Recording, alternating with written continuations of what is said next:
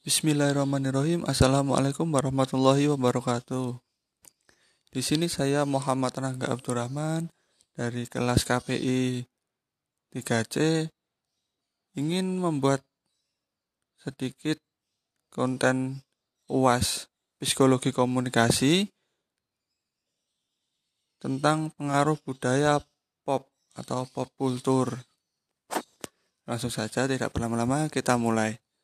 Pasca kolonialisme dan politik budaya Korea pasca kolonial masih fokus pada analisis kolonialisme akan tetapi lebih menggambarkan pada konsekuensi historis kolonialisme pada bangsa terjajah. Sembilan perbedaan fokus teruji kajian pasca kolonialisme dan terletak pada konsep kekuasaan yang terpengaruh tradisi pasca kultural. Teori pasca kolonial melihat situasi di mana kolonialisme lebih pada ranah politik dan budaya, bukan ekonomi semata istilah kolonialisasi budaya, imperialisme budaya. Muncul setelah melihat dominasi program-program hiburan barat di negara Amerika Latin, Afrika, dan Asia. Ini merupakan praktik penguasaan secara soft sehingga negara lain dunia ketiga nanti tergantung secara ekonomi maupun kultural. Media dan kolonialisasi budaya Korea membangun citra di mata dunia melalui Hallyu. Menyebarnya budaya Korea melalui dunia hiburan menciptakan demam Korea di mana-mana. Demam Korea muncul sejak banyak digemarinya film-film, drama, dan musik Korea yang disebarkan pada masa terutama televisi dan internet. Sejarah gelombang Hallyu dimulai pada tahun 1990-an, di mana drama dan film menjadi ikon yang berkontribusi besar dalam kelahiran Hallyu. 13 Hallyu memiliki beberapa konten kebudayaan yang menjadi komoditas ekspor utama yaitu film drama, televisi atau K-drama, musik, K-pop, dan fashion. Perkembangan Hallyu di pertengahan tahun 2000-an mendapatkan respon positif dari hampir seluruh negara di Asia, khususnya negara-negara di Asia Tenggara. Kesuksesan Hallyu berpengaruh terhadap peningkatan minat masyarakat internet terhadap produk-produk Korea Selatan. Pendidikan sebagai jalan penyebaran budaya penekan pada pendidikan sering disebut sebagai dasar pertumbuhan sebuah bangsa ataupun negara. Pendidikan diperlukan untuk pemecahan masalah dan pencapaian kemajuan dalam masyarakat. Dengan demikian, pendidikan merupakan elemen penting dalam masyarakat yang akan menuntun bagaimana kondisi dan perkembangan masyarakat. Penciptaan budaya populer menjadi serangan dominan kolonialisasi budaya Korea. Hal ini terjadi karena dengan terciptanya budaya pop Korea, budaya masyarakat Korea berhasil go publik. Diciptakan budaya yang disenangi masyarakat banyak, memudahkan pengenalan dan penyebaran budaya Korea. Produk-produk budaya seperti K-drama, K-pop, wisata budaya, serta acara seni dan festival menjadi tools untuk menduniakannya budaya Korea. Penyebaran budaya pop terbantu media sosial. Media menjadi sarana penyebaran produk. Maka tidak heran media menjadi bagian dari kolonialisasi. Hal ini karena isi yang ditayangkan dalam media dapat disesuaikan. Ada tiga dimensi yang digunakan, yaitu cetak, TV, dan internet. Ketiga media ini banyak membantu populernya produk-produk budaya Korea. Merupakan negara yang sukses dalam memanfaatkan budaya sebagai sumber kekuatan. Terbukti dengan Hallyu yang menjadi fenomenal, boomingnya kebudayaan Korea di negara lain terbantu arus globalisasi yang menghapus sekat-sekat dan batas-batas sebuah negara. Hal tersebut membuat nilai-nilai asing masuk tidak lagi melalui negara, akan tetapi melalui individu dalam sebuah negara. Masuknya K-drama dimulai dengan ketika Trans TV menayangkan Mother Sea dan Indosiar menayangkan Atlas Love di tahun 2002. Memulai demam Korea di Indonesia.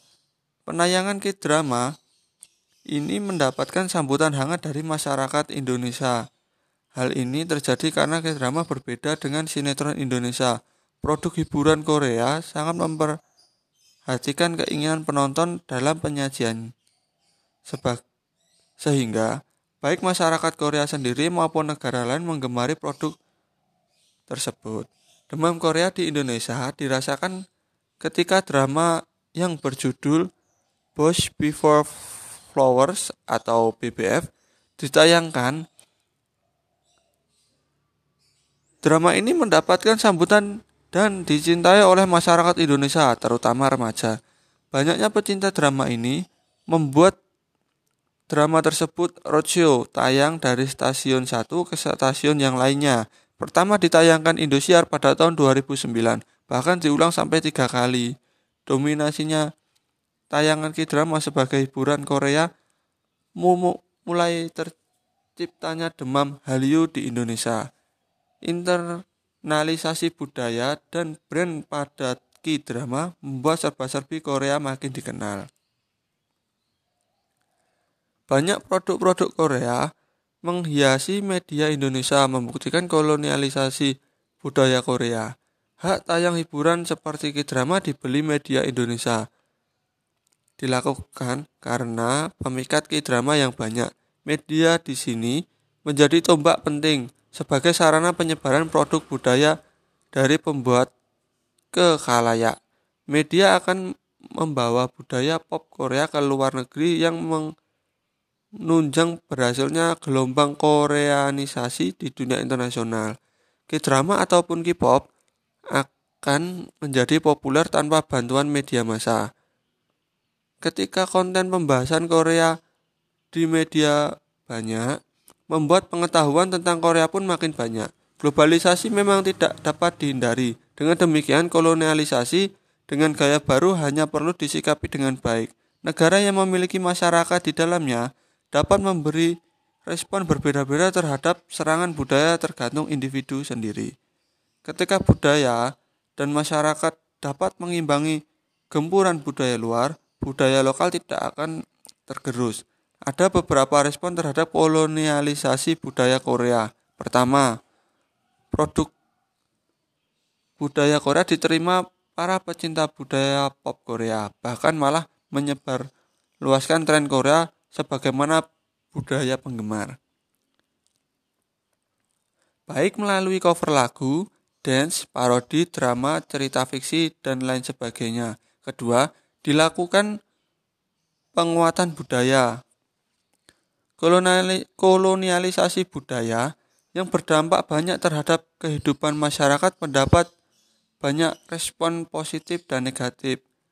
Dalam menyikapi respon negatif yang timbul seperti fanatisme, pemerintah, kaum intelektual, pengusaha, dan masyarakat yang menyadari akan ancaman besar dari dominasi budaya pop Korea berupaya menyadarkan masyarakat dan mengimbangi serangan budaya dengan penguatan budaya masyarakat lokal. Ketiga, dilakukan pengadosian budaya Korea untuk industri lokal. Tayangan budaya asing memiliki sisi negatif dapat mempengaruhi budaya lokal atau bahkan tergerus. Namun seperti sekeping mata uang, ada juga sisi positifnya. Bertambahnya wawasan tentang kebudayaan masyarakat lain dan dapat dimanfaatkan kepopulerannya hiburan asing tersebut untuk kepentingan sendiri. Semisal produk pakaian ala Korea, meniru dan belajar dari K-drama dalam membuat sinetron, sehingga produk lokal lebih baik. Mungkin itu saja yang dapat saya sampaikan. Kurang lebihnya saya mohon maaf. Bila taufiq walidayah. Wassalamualaikum warahmatullahi wabarakatuh.